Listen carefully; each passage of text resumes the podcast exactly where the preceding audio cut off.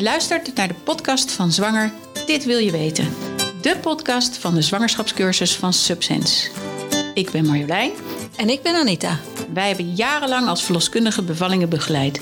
En in deze podcast gaan we jullie regelmatig bijpraten over topics die aanstaande ouders bezighouden. Dus wil je informatie en tips direct van een professional? Of je nou thuis of in het ziekenhuis gaat bevallen? Mis dan geen van onze afleveringen, zodat je zo goed mogelijk voorbereid bent op die aanstaande geboorte.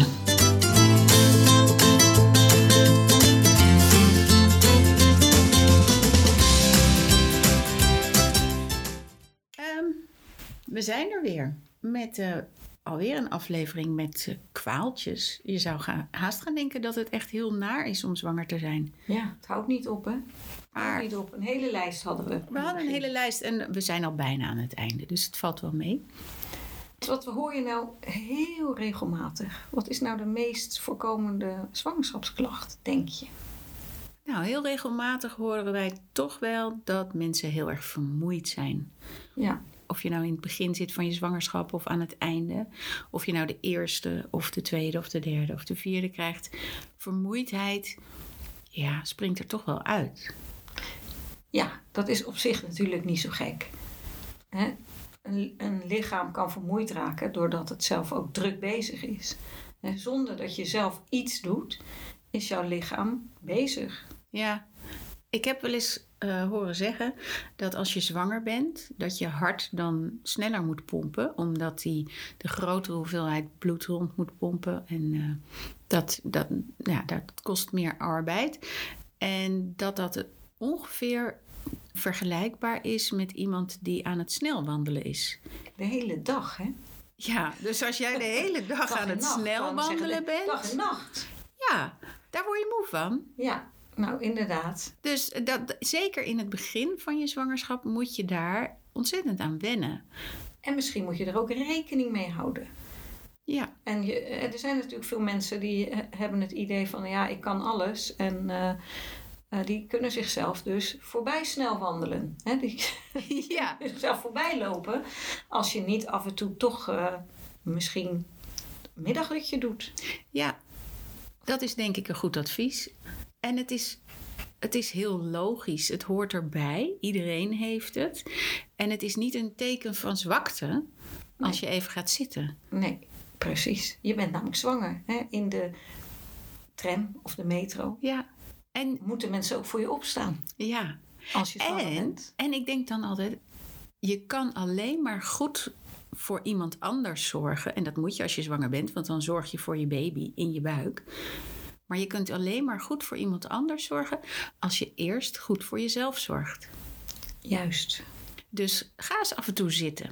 Ja, en, en, en ga eens met je... Luister, luister naar je lichaam. Hè? Ja, ja, heel belangrijk. En algemeen is de vermoeidheidsklacht vaak bij nummer twee veel erger. Dan hoor je uh, moeders zeggen: Oh, maar dat had ik echt de vorige keer niet, dat, het zo, uh, dat ik zo vermoeid was. Ja.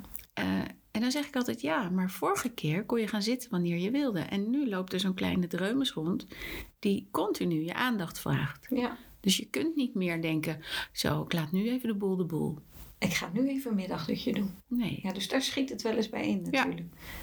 En het is ook vermoeiend, hè? het dragen. Als het wat groter wordt, is het ook, wordt het ook lichamelijk een last. Ja. Ik bedoel daarmee, uh, je zwaartepunt verlegt zich. Uh, je hebt toch wat meer kilo's mee te sjouwen. Dan ben je aan het snel wandelen met extra, met een rugzak. Ja, nou een buikzak. Voorop. Ja. Ja.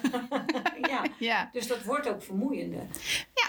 Ja. Maar er zijn ook wel uh, soms redenen dat je extra vermoeid bent. En ja.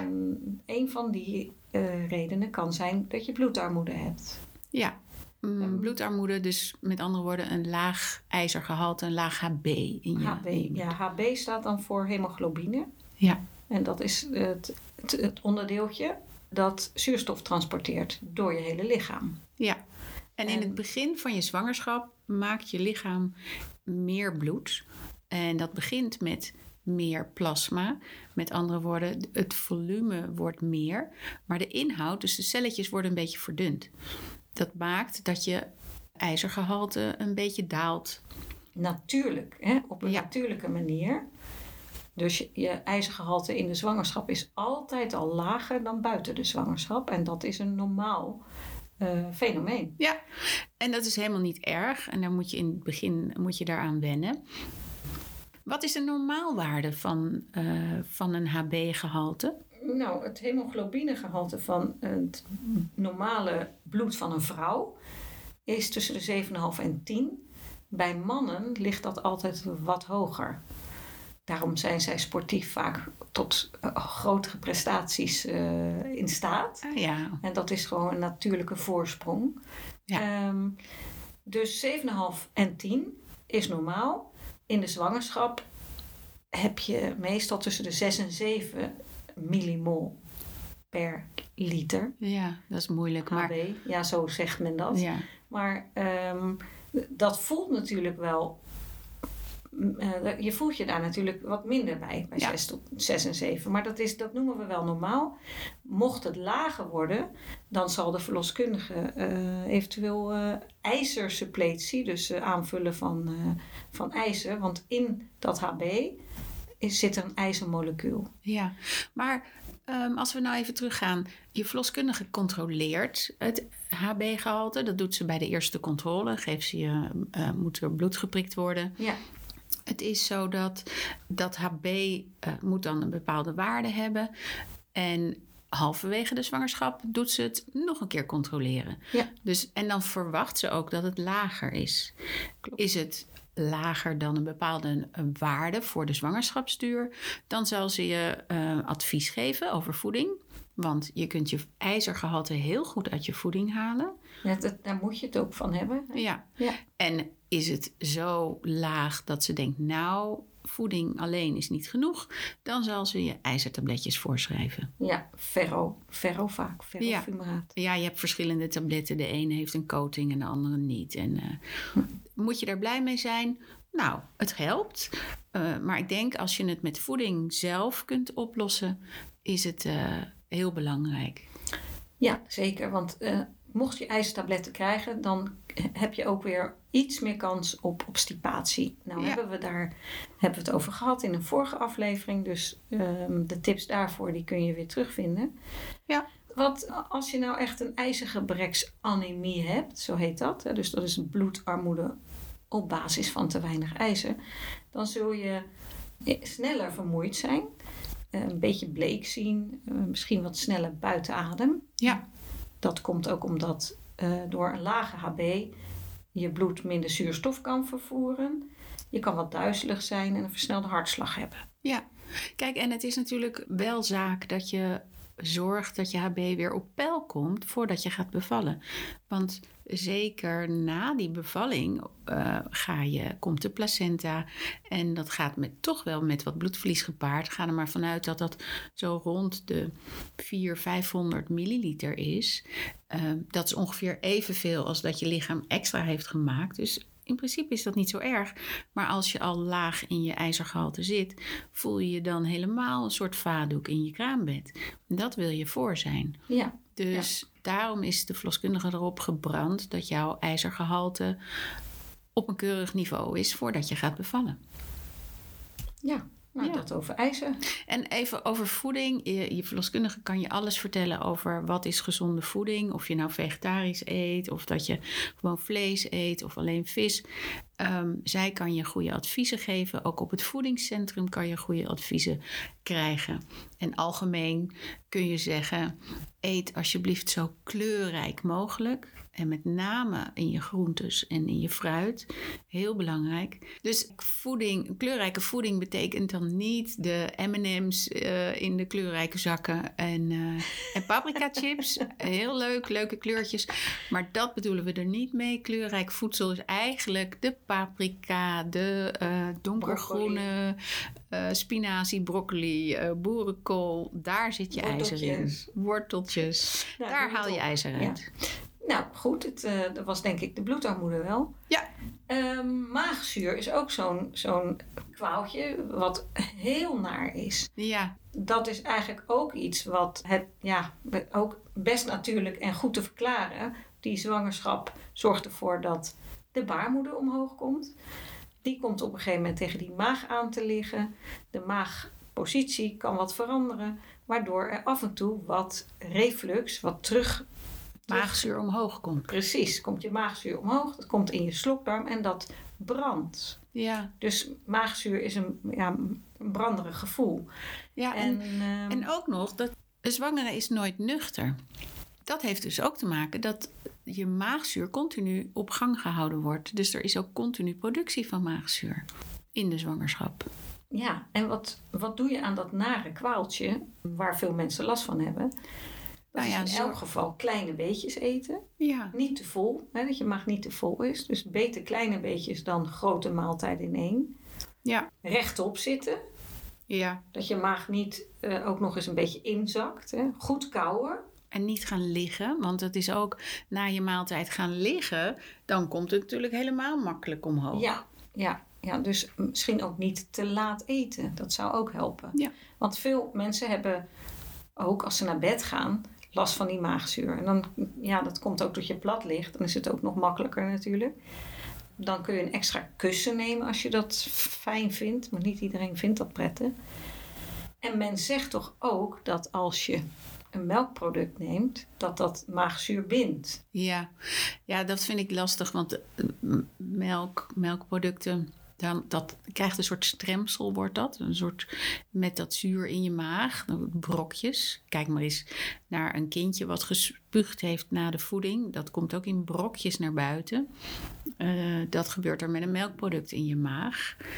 Dat is lastig. Het is ook wel zo dat ze zeggen als je vla eet, dat het wat zwaarder is. Dat het op de inhoud van je maag dan wat drukt, zodat het niet naar boven kan komen. Nou, ik maakte dan havermoutpap. Ja, dat is misschien nog wel gezonder. Ja, gezonder dan die, die vanillevla, zeg Ja. maar. Maar havermout, want havermout is natuurlijk ook goed, eh, gelijk goed vezels voor, eh, hè, voor, Ja. voor je darmen. Als je ook weer obstipatie zou hebben. Maar ja, havermoutpap, dat staat gewoon meer. En melk is ook gewoon zo vloeibaar Ja, dat het ook weer omhoog kan komen. Maar het is een kwestie van uitproberen. Hè? Voordat je aan de maagzuurremmers gaat, is dat misschien wel iets wat, eh, ja, wat, eh, ja, wat je kunt doen. En maagzuurremmers is eh, het laatste redmiddel waar je naar kan Ja. vragen bij je huisarts. Ja, je hebt ook een dat is een maagzuurremmer, maar je hebt ook tabletjes die de maagzuur neutraliseren. Dat, die zijn er ook. Dat zou je ook kunnen doen. Op zich zou je die wel mogen hebben in je zwangerschap. Vraag er even naar via je verloskundige. Die kan je goed advies geven. Mooi. Maagzuur was dat. Ja, Wat is het Vena-Cava-syndroom? Want dat klinkt, Ja. dat klinkt heel eh, lastig, eh, maar het komt ook enorm vaak voor. En iedereen krijgt er wel mee te maken in zijn zwangerschap. Ja, zeker als je wat verder in je zwangerschap komt, dan wordt je buik groot en zwaar. En ehm, ja, het klinkt heel raar. Vena-cava-syndroom, klinkt naar. Het is niks anders dan als je op je rug gaat liggen, eh, je baarmoeder tegen je rug aan gaat drukken. Met de inhoud van je baarmoeder. Het kindje drukt dan tegen je, eh, je ruggenwervels aan. En naast je ruggenwervels ligt de vena cava, oftewel de grote onderste holle ader. Die zorgt ervoor dat al het bloed weer terug naar je hart gaat. En als daar een kindje op gaat liggen, dan kan je je voorstellen dat die, die, dat bloedvat een beetje dichtgedrukt gaat worden. Dus komt er minder bloed naar je hart. En het gevolg daarvan is dat er minder bloed dan weer verder naar je lichaam kan, met name naar je hersenen. En dan heb je het gevoel dat je flauw gaat vallen. Ja, een beetje duizelig en je kan je naar gaan voelen. Is eigenlijk raar, hè? Want je ligt en dan kan je flauw vallen. Dat is raar. Maar dus zo raar is dat niet. En er is ook zeker wel wat aan te doen. Ja, zeker. Maar kijk, mensen voelen vaak vanzelf al aan dat het niet lekker is op je rug liggen. Ja. Dus dat is eigenlijk ook, ja, wat, als het niet lekker is, dan ga je verliggen. Ja, Dus die dan ga je automatisch op je zij. precies. Maar dus ik krijg vaak de, de, de vraag, eh, zeker bij de echo, als mensen een langere tijd op hun rug moeten liggen Ja. en ze zijn wat verder, dan zeggen ze. eh, ja, ik, ik word een beetje naar. Toen zei ik, Ja. oh, nou, draai maar even om. En dan gaat het vanzelf beter. Dat is eigenlijk de beste remedie. Even omdraaien, zodat het kindje niet meer Op je die ader draaien. Ja, even op je zij draaien. En mensen zeggen dan, ja, maar als ik dan s'nachts weet ik niet of ik op mijn rug lig. Maar Ja. dat is ook niet belangrijk, hè? Weet je, eigenlijk voelt je lichaam dat vanzelf wel. Ja. Want als je naar bent, ga je vanzelf wel aan het draaien. Ja, dus daar Dus- hoef je geen zorgen over te maken. Nee, precies. Maar wij hadden het er net even over. En toen zei je ook, ja, als je bijvoorbeeld bij de tandarts bent of eh, op de echo en je weet zeker dat je een, een langere tijd wel op je rug moet liggen, dat je daar iets aan kan doen door een handdoekje onder je eh rechterbil. Ja, ja dat is een hele simpele truc. Je gaat Ja. gewoon een handdoekje of een stapel handdoekjes, een rolletje. Je kan ook je jas nemen. Even onder je rechterbeel leggen. Zodat je, nou, nagenoeg een beetje schuin ligt. En dan duw je je buik ook een beetje naar de linkerkant. Dan zorg je ervoor dat die, dat die ader helemaal vrij ligt. En dan kun je rustig behandeld worden. En dat kan eh, handig zijn bij de echo. Dat kan handig zijn bij de tandarts. Vorige keer hebben we het over bloedend tandvlees gehad. En dat het je een tand kost. Ja, weet ja, je wel? ja, nou, was dat, stel, stel dat je dan naar de tandarts moet als je zwanger bent. Zeg dan even, joh, ik leg even een rolletje onder mijn rechterbeel. Die tandarts gaat raar kijken, maar het werkt wel. En je kan jezelf ook natuurlijk even laten verwennen bij de schoonheidsspecialisten. Ja, daar moet je ook op je rug liggen. Ja, dat kan eh, nu even niet. Nee. We leven nu in een tijd dat alles dicht zit. Eh, maar inderdaad. Maar dan, als het eh, weer kan, dan ja. doe er je voordeel mee. Ja, Dus niks angstig, het klinkt eng, maar het is het niet. nou, we hebben weer een aantal klachtjes behandeld. We hadden er nog wel één, geloof ik. Nou, wat dacht je van ongewild urineverlies? Ja. Daar hebben wij het ook nog over gehad, want dat komt ook nogal vaak voor in Ja. de zwangerschap. Dat is ook heel vervelend Dat als je dat, dat hebt. je denkt, oeps, of je springt of je hoest of, eh, en dan ver- verlies je een paar druppeltjes urine. Ja. Nou, ja, dat is heel vervelend. En sommige mensen hebben het ook aan het einde van de zwangerschap denken dat hun vliezen gebroken zijn. moet je daar weer gaan eh, actie ondernemen. Ja, Van, nou ja. Hoe komt het nou? Ja, hoe komt het nou dat je urine verliest? De blaas ligt naast de baarmoeder. Aan de voorkant. Ja, Ja. daarnaast. Dus die ligt net voor de baarmoeder. Als die baarmoeder groeit, en eerst was die zo klein als je vuist, zeg maar. En lagen ze gedwee naast elkaar. Maar als dan die baarmoeder gaat groeien, dan raakt die blaas wat overprikkeld. En die kan zelfs in de knel komen te zitten. Ja. Hè, De baarmoeder drukt tegen die urineblaas aan. Die maakt daardoor ook een, een verschuiving. Die komt iets meer naar voren. Die komt een knik eigenlijk met urineblaas en urineleider. Waardoor er dynamisch iets verandert. Ja. Dus je kunt makkelijker als je daardoor, als je eens een keer hoest of je eh, springt, iets wat urine verliezen. In het begin van de zwangerschap al. Ja, ja want die, die blaas die zit vast aan die baarmoeder. En ik zeg altijd zo, als je, als je het tekent is het, is het makkelijk. De urineleider komt uit de blaas en dat is een scherpe hoek. De blaas zit vast aan de baarmoeder. En als de baarmoeder gaat groeien, wordt de blaas mee omhoog getrokken. En dan wordt de hoek van de urineleider minder scherp en zelfs een beetje een wat stompere hoek. Je kan je dan voorstellen, als je normaal gesproken een beetje druk moet zetten om die hoek, zeg maar, eh, te omzeilen, om, om te plassen. Maar nu is die hoek stomper, dus het gaat veel makkelijker dat plassen. Dus bij de minste geringste hoest of eh, lach of weet ik het, kan je een beetje urine verliezen. Klopt. En je moet ook vaker plassen. Hè? Want als je, het- we hebben het nu over urineverlies in het begin van de zwangerschap. Ja, maar ook, aan- ook aan, het einde, heb je zeker. daar natuurlijk ook. Daar kan je daar ook weer last van hebben. Ander kwaadje wat urine betreft is toch vaak moeten plassen. Ja.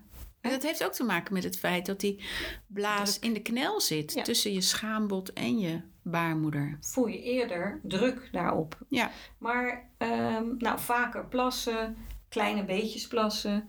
eh, heel normaal. Maar hoe onderscheid je dat dan weer van eventuele blaasontsteking? Waarop je ook meer kans hebt als je zwanger bent. ja. ja. Waarom heb je er weer meer kans op? Dat heeft ook weer met die hoek van die urineleider te maken. Omdat er makkelijker bacteriën naar boven kunnen kruipen. En je houdt altijd een beetje urine in je blaas eigenlijk als je zwanger bent. Omdat je het niet zo goed voelt of je nou goed uitgeplast bent. Dus dat is de verhoogde kans op een blaasontsteking. Ja, en een blaasontsteking, wat je dan ook doet, is vaak plassen. Maar dat geeft ook vaak een branderig gevoel. En Precies, het ja. plassen wat je dan doet, zijn echt twee, drie druppels en dan is het wel weer geweest. Dus dat is het onderscheid met het gewone vaak plassen.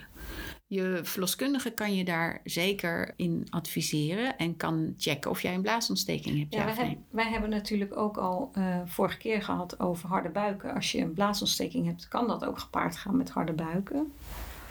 Blaasontsteking heeft, wat je zegt, dan plas je drie druppels en dan heb je nog steeds het gevoel dat je moet plassen. Ja, Dat je de hele tijd zo'n gevoel hebt van moeten plassen en die branderigheid. ja. Wel goed even om in de gaten te houden. Nou, de blaas is heel belangrijk om hem leeg te houden. En omdat je daar natuurlijk eh, raar anders eh, gevoel hebt, omdat de, de baarmoeder eh, groter wordt en aan het eind van de zwangerschap misschien een kindje daar zit met zijn koppie, die drukt daar, heb je niet echt het gevoel dat je je blaas goed leeg hebt geplast. Dus neem alsjeblieft de tijd om goed te gaan plassen. Regelmatig plassen. Gewoon elke ehm, een paar uur even denken: oh ja, tijd niet geplast, ga het dan even doen. En soms, dat merk ik ook eh, als ik de echo's maak, dan zeggen mensen: ja, ik heb net leeg geplast. En dan zet ik de echo erop en dan zie ik gewoon nog een volle blaas. En dan snappen ze niet hoe dat kan. Maar dat kan natuurlijk omdat daar een koppie zit of een kontje zit van die baby.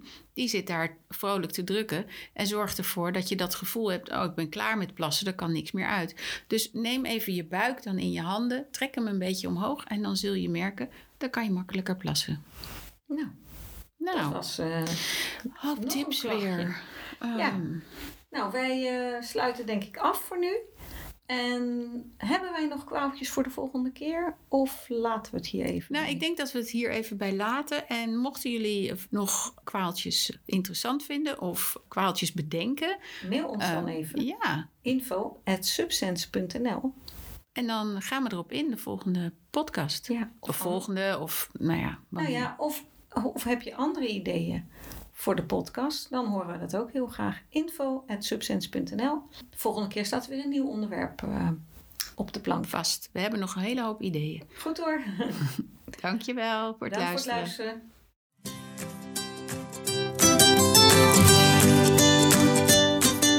Je luisterde naar de podcast Zwanger, dit wil je weten van Subsense. Mede mogelijk gemaakt door Koffiecode Podcast. Je kunt ons volgen via Insta, Facebook, LinkedIn en onze site www.subsense.nl.